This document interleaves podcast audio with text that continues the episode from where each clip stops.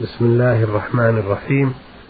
الحمد لله رب العالمين والصلاة والسلام على نبينا محمد وعلى آله وصحبه أجمعين.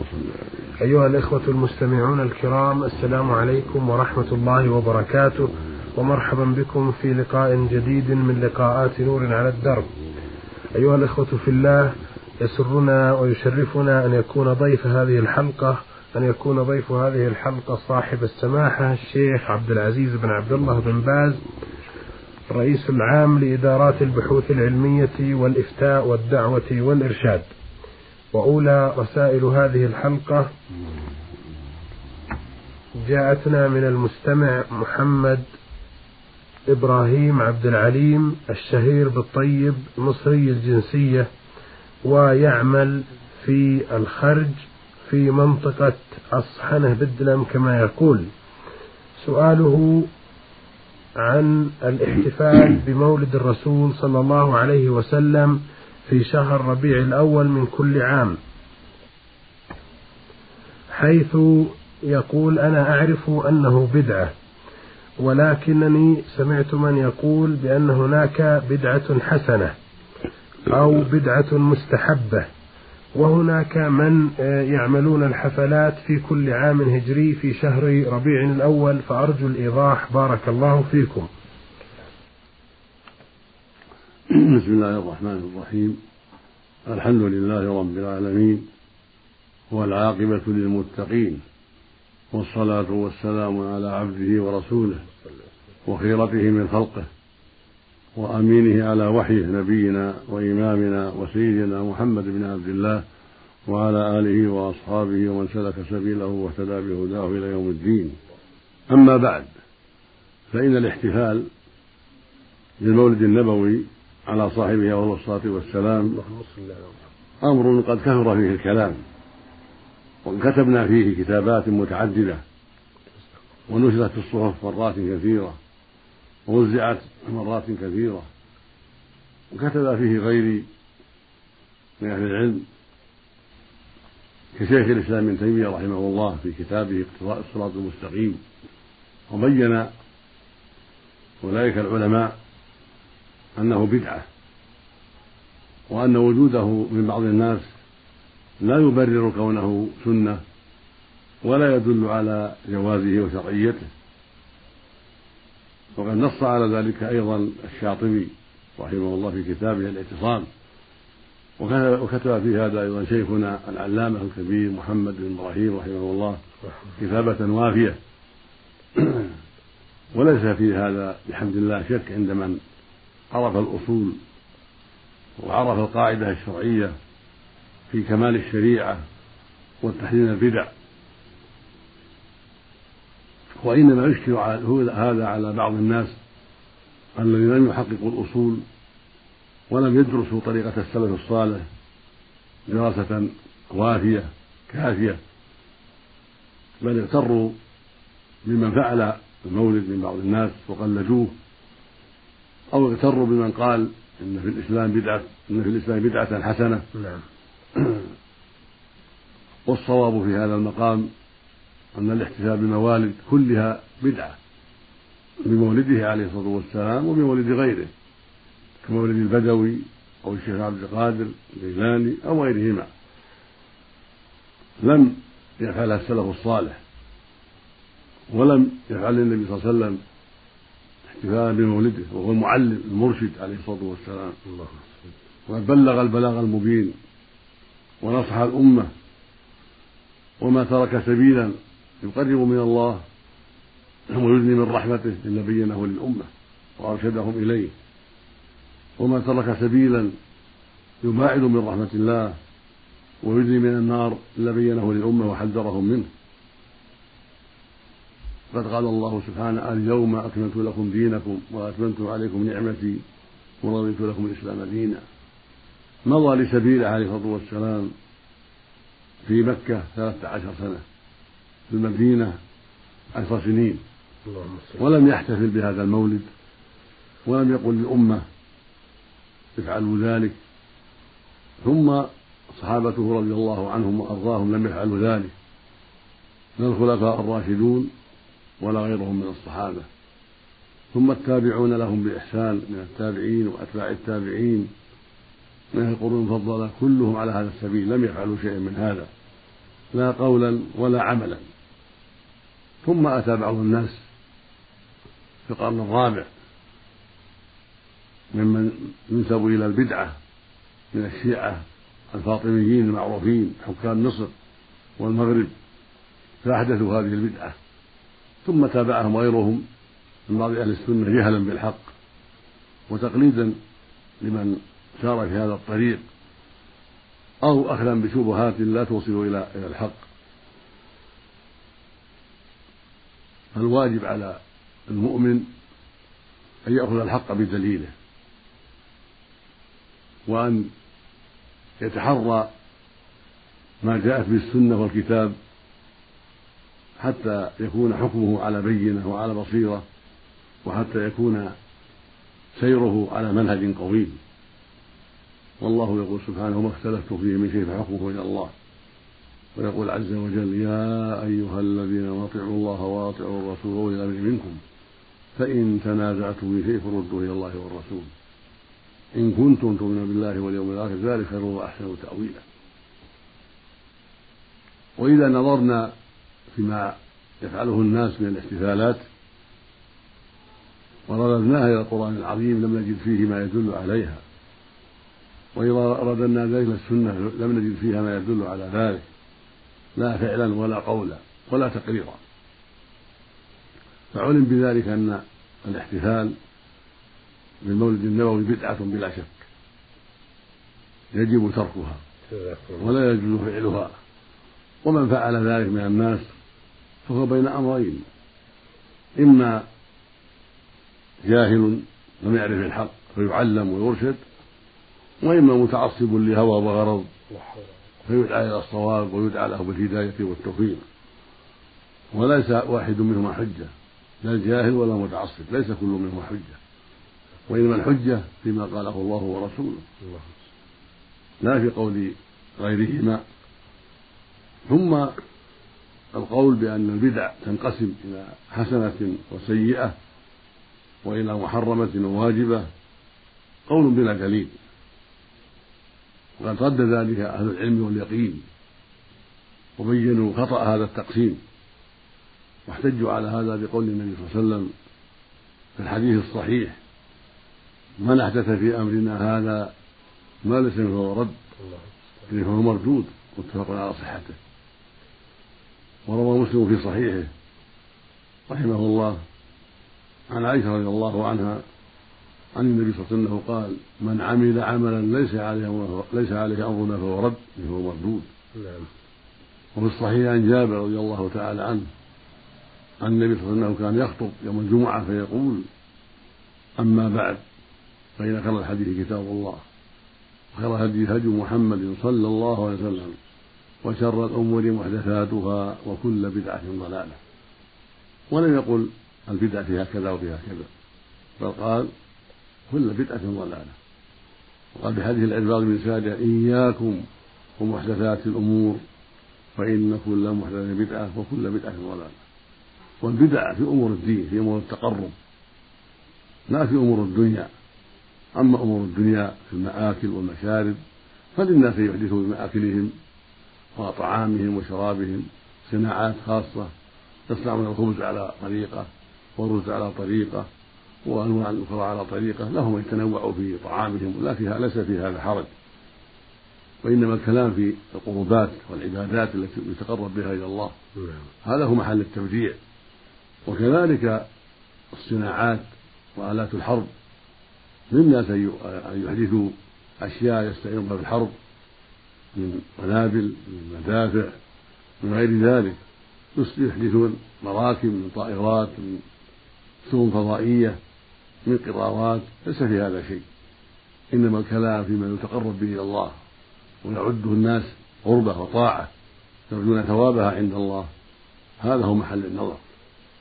فما لم يفعله الرسول صلى الله عليه وسلم ولا أصحابه ولم يدل عليه صلى الله عليه وسلم ولم يرشد إليه بل أحدثه الناس وأدخلوه في دين الله هو بدعة. شاء فلان أو غضب فلان والحق أحق بالاتباع. ومن هذا الباب ما أحدثه الناس من بناء المساجد على القبور واتخاذ القباب عليها هذا من البدع التي وقع بسببها شر كثير. حتى وقع الشرك الأكبر وعبدت القبور من دون الله بأسباب هذه البدع. فيجب على المؤمن أن ينتبه لما شرعه الله فيأخذ, فيأخذ به وعليه ينتبه لما ابتدعه الناس فيحذره. وإن عظمه من يشار إليه من أهل الجهل أو التقليد الأعمى أو التعصب فلا عبرة عند الله بأهل التقليد الأعمى ولا بأهل التعصب ولا بأهل الجهل وإنما الميزان لمن عند الله لمن أخذ بالدليل واحتج بالدليل وأراد الحق بدليله هذا هو الذي يعتبر في الميزان. ويرجع إلى قوله ونسأل الله للجميع الهداية والتوفيق. نعم. جزاكم الله خير. الرسالة الثانية في حلقة هذه الليلة من المستمعة عين فاء مصرية الجنسية وتعمل بالمملكة. رسالتها طويلة ولكن خلاصتها تقول بأنها متزوجة وهي تعصي زوجها وجاهلة ودائما تغضب منه ودائما لا تعطيه حقه كزوج وتطلب آه، منه الطلاق كثيرا وقد طلقها مرتين وعندما يذهبان للمأذون يرفض المأذون هذا الطلاق لأنه في حالة غضب ولكنها تصر هي على طلب الطلاق فيوافق المأذون حتى أصبح عدد الطلقات ثلاث طلقات على يد المأذون. وبما أنها كما تقول تحبه وهو يحبها ويرغبان الرجوع إلى بعضهما فقد اعترض دون ذلك والدها. وهو من حملة الكتاب كما تقول ونصحها بأنها لا تحل لزوجها حتى تتزوج رجلا غيره. في هذه الحالة ذهب إلى مأذون بلدتهما فقال لها يمكنك أن تأتي بمحلل. وفعلا قد اتفقتا مع رجل طيب قد اتفقا مع رجل طيب آه، يريد لهما الصلاح كما تقول في رسالتها على أن يعقد عليها. وثاني يوم يطلقها دون أن يمسسها كزوج وأكملت عدته ورجعت لزوجها بعد العدة وعاشت على هذه الحال خمس سنوات أنجبت خلالها طفلين وهي تعيش مع زوجها في عناد وفي مشاكل وفي جحود وهو صابر ومتحمل كما تقول هي في رسالتها. وقد سافرت إلى الخارج منذ سنة والتقت بأناس طيبين نصحوها بأنه لا يجوز لها أن تعصي زوجها وبينوا لها حكم الله وهي الآن نادمة وتائبة وتريد أن تعرف ما الحكم في بقائها مع زوجها هل تبقى معه أم أنه يفرق بينهما وإذا فرق بينهما فما مصير الطفلين اللذين جاء بعد الطلقة الأخيرة. هذه خلاصة رسالتها يا سماحة الشيخ. أولا الواجب على الزوجة طاعة زوجها في المعروف ومعاشرته بالمعروف لأن حقه عظيم. وقد قال الله جل وعلا وعاشروهن بالمعروف قال سبحانه ولهن مثل الذي عليهن بالمعروف وللرجال عليهن درجة وأوصى النبي صلى الله عليه وسلم المرأة بالسمع والطاعة لزوجها. وقال إذا بات باتت المرأة وزوجها ساخط عليها لعنة الملك حتى تصبح. وفي لفظ آخر كان الذي ساخط عليها حتى يرضى عنها زوجها. الله فالأمر عظيم والخطر كبير. وقال أيضا عليه الصلاة والسلام أيما أيما امرأة سألت الطلاق من غير ما بأس لم ترح رائحة الجنة. هذا وعيد شديد. سألوا الطلاق من غير علة من غير بأس. لا يجوز. وعلى المرأة السمع والطاعة والكلام الطيب والمعاشرة الحسنة في المعروف فيما أباح الله وشرع سبحانه وتعالى. نعم. وليس لها عصيان زوجها ولا تخديره وإيذاؤه لا بالكلام ولا بالفعال. متى طلبها لحاجته في نفسها أجابت. ومتى ومتى أمرها أطاعت فيما يتعلق بشؤونهما. وهكذا ما يتعلق بخدمة البيت وإحضار الطعام وما جرت به العادة بين الزوجين. هذه أمور يلزمها أن تطيع زوجها في ذلك وأن تخاطبه بالتي هي أحسن وأن تسير معه المسيرة الحسنة التي عرفها الأخيار من المسلمين فيما بينهم. نعم. وأما الطلاق فقد حدد الله الطلاق وجعله ثلاثا. فإذا طلقها ثم راجعها ثم طلقها ثم راجعها وهو عاقل طلقها الوجه الشرعي. ثم طلقها الثالثة. فإن الطلقة الثالثة تحرمها ولا ليس له أن ينكحها إلا بعد زوج شرعي يطأها ثم يطلقها وتعتد منه بموت أو أو ثم يطلقها أو يموت عنها. بعد ذلك تحل له أن يراجعها. أما التحليل فهو لا يجوز بل هو منكر وهو نكاح باطل. والرسول صلى الله عليه وسلم لعن المحلل والمحلل له والعياذ بالله. فكون ينكحها زوج محلل يتفقان معه على أنه ينكحها ثم يفارقها. هذا منكر من كبائر الذنوب وصاحبه ملعون. المحلل والمحلل جميعا. ولا يحلها للزوج السابق. فالذي فعلوا مع المحلل أمر منكر. وطريق فاسد. وصاحبه قد تعاطى كبيرة عظيمة. وهي لا تزال محرمة على زوجها وعليها أن تفارقه حتى تزوج زوجا شرعيا وحتى يطأها الزوج الشرعي ثم يفارقها بموت أو بطلاق ثم تعتد. أما الأولاد الذين جاءوا بعد ذلك بهذا النكاح الباطل فهم أولاد زوجها بالشبهة لأجل الشبهة لأن هذا وقع عن شبهة وعن جهل فيلحق الأولاد هذا الزوج وينسبون إليه. ولكن عليها وعلى زوجها التوبة إلى الله والندم والإقلاع والعزم الصادق ألا يعود إلى مثل هذا المنكر. ومتى تزوجت؟ زوجا شرعيا لا محللا ثم ثم وطئها ثم طلقها بموت أو ثم طلقها أو مات عنها فإنها تحل لزوجها هذا. يعني إذا الخلاصة فضيلة الشيخ أنها تفارق زوجها ويفارقها الآن. الخلاصة أنها مقيمة معه على حرام. لا حول وعليها أن تفارق ويفارقها. وعليهم التوبة إلى الله جل وعلا جميعا. أما أولادهما فلاحق فلاحق بأبيهم. لأجل الشبهة. جزاكم الله. لأجل وطئ الشبهة. وليس لها أن تعود إليه أبدا إلا بعد بعد زواج شرعي. بعد زوج شرعي يطأها ثم يفارقها بموت أو طلاق. ثم بعد ذلك يتزوجها زوجها الأول إذا شاء. نعم. أحسنتم وجزاكم الله خير نعم. آه هذه رسالة من المرسل كاف حاء صاد مصري يعمل بالمملكة وقد عرضنا آه في حلقة مضت سؤالين له وهذه بقية أسئلته.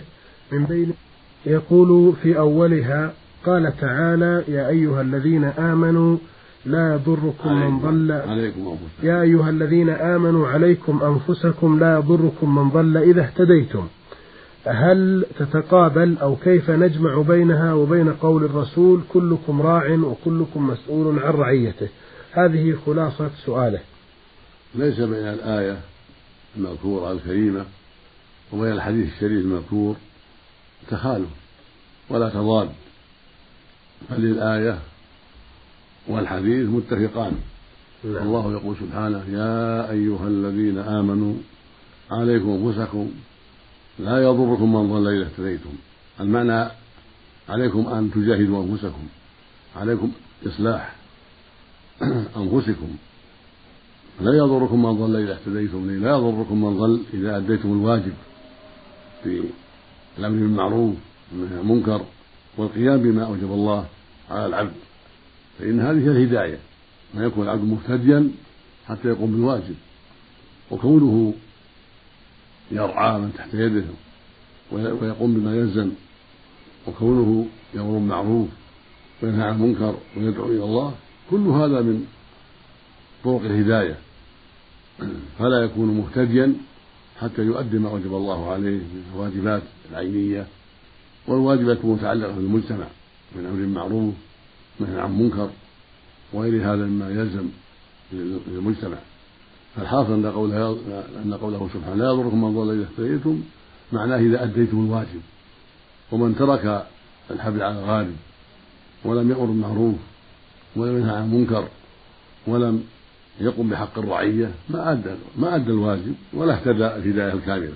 نعم. بل هدايته ناقصة غير تامة فيكون مؤاخذ بذلك.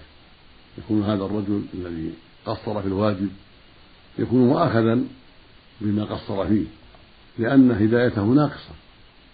والله يقول لا يضركم من ضل إذا اهتديتم والذي لم يأمر بالمعروف ولم ينهى عن المنكر ولم يقم بالرعاية التي عليه ما يكون محتاجا للهداية المطلقة الكاملة قد تكون هدايته ناقصة ضعيفة فيها خلل فيؤاخذ بهذا الخلل وهذا النقص. نعم. جزاكم الله خير. سؤاله الثاني يقول آه قال تعالى يا أيها النبي قل لأزواجك إن كنتن تردن الحياة الدنيا وزينتها فتعالين أمتعكن وأسرحكن سراحا جميلا. آه هل هو موجه لزوجات النبي فقط؟ وهل يحق أو وهل يجب على أي مؤمن أن يخير زوجته؟ فإن اختارت الدنيا وزينتها فيطلقها. ليس خاصا من النبي صلى الله عليه وسلم بل هو عام. وأسباب ذلك قلة النفقة. فإنه صلى الله عليه وسلم لم تكن عنده النفقة الكافية لأزواجه عليه الصلاة والسلام. ولهذا جرى منهن ما جرى فأمره الله يخيرهن. فمن اختارت الله والدار الآخرة بقيت ومن أبت طلقها من أجل عدم عدم القدرة على النفقة الكاملة فإنه صلى الله عليه وسلم عرض له أوقات في المدينة ليس عنده ما يكفي للإنفاق على أزواجه وكان يعطي أعطى من لا يخشى الفقر عليه الصلاة والسلام.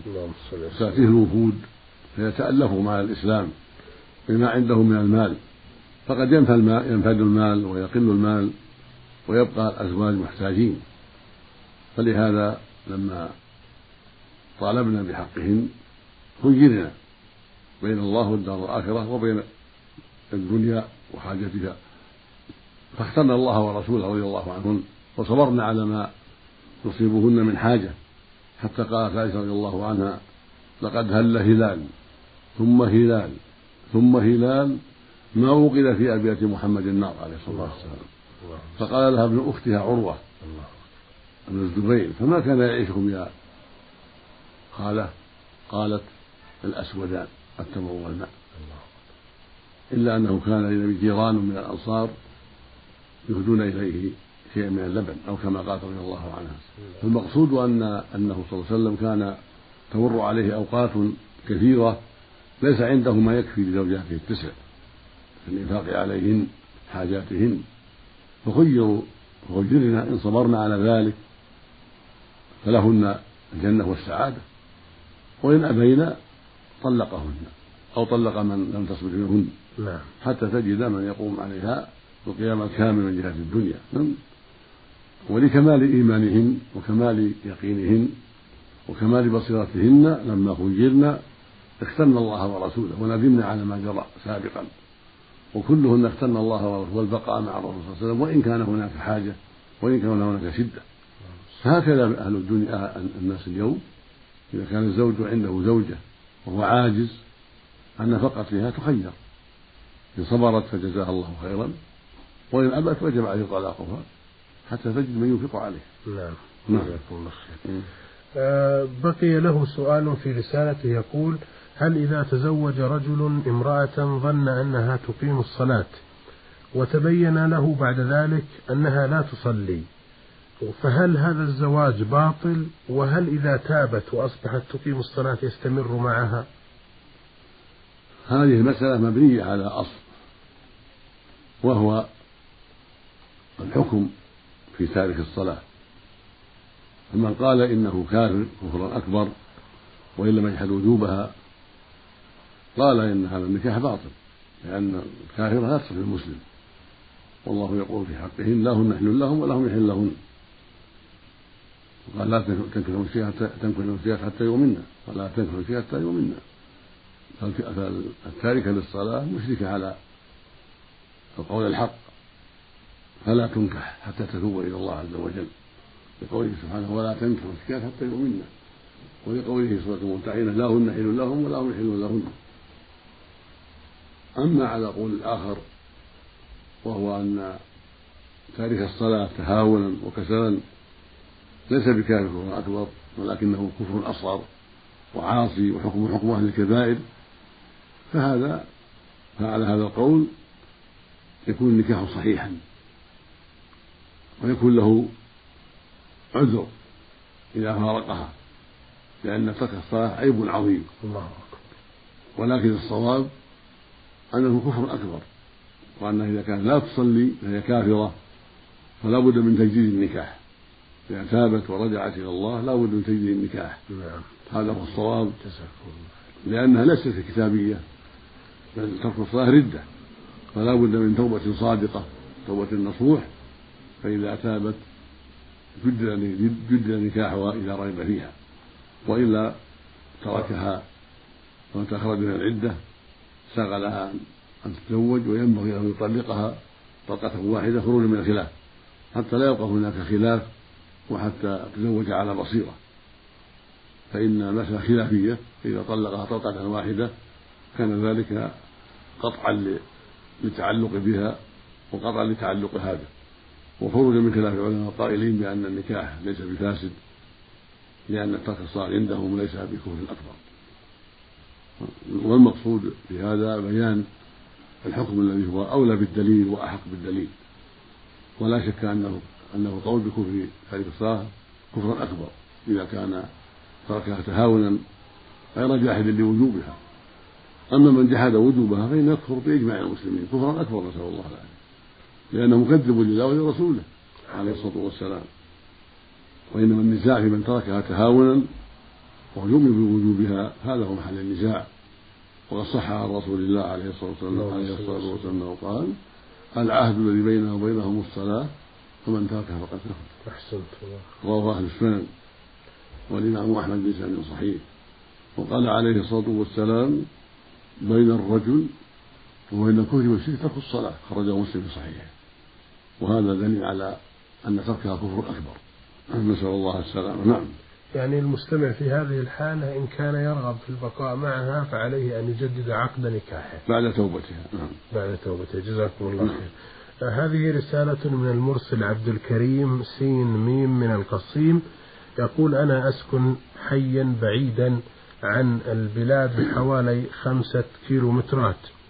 في أوقات النهار والمغرب والعشاء أصلي مع جماعة المسجد ولله الحمد. ولكن في صلاة الفجر أصلي منفردا.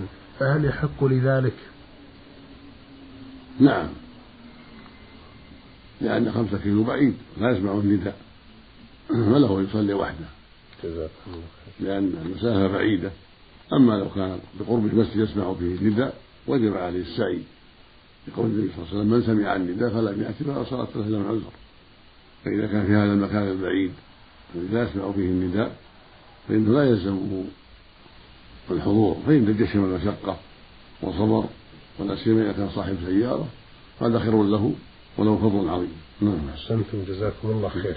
وهذه رسالة من المرسل محمود آه، تاسين مصري يعمل بالمملكة يقول في رسالته لقد حلفت على زوجتي بأن تكون طالق إذا فعلت كذا وكان بنية التهديد مع العلم أنه حدث مني ثلاث مرات وكل ما وقع في الحالات الثلاث آه، عاشرتها بعد آه، الحلف.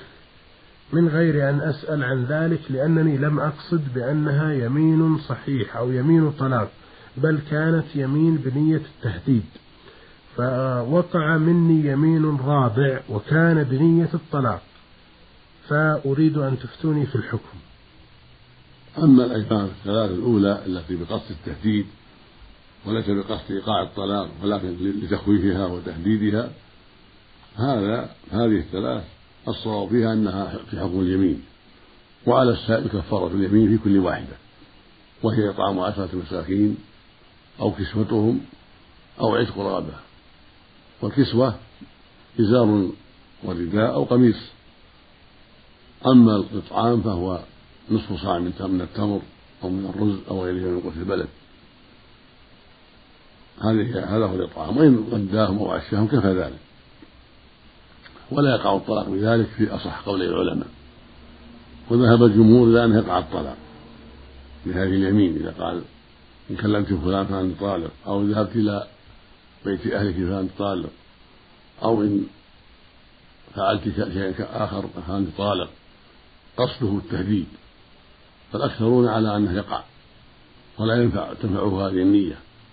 ولكن الصحيح الذي عليه المحققون من أهل العلم أن هذا في حكم اليمين ولا يكون طلاقا بل عليه كفارة اليمين وهذا هو الذي نفتي به وهو الأصح وهو الذي أفتى به شيخ الإسلام ابن تيمية رحمه الله والعلامة ابن القيم وهو ظاهر ما نقل عن جماعة من السلف الصالح من التابعين وهو ظاهر ما نقل عن ابن عمر وعن صفية من زوجة ابنة أبي عبيد وعن جماعة في من حلفت بالعتق والصدقة بمالها وعتق عبيدها على أنه لا يفعل كذا فلم يفعل قالوا لها عليك كفارة يمين.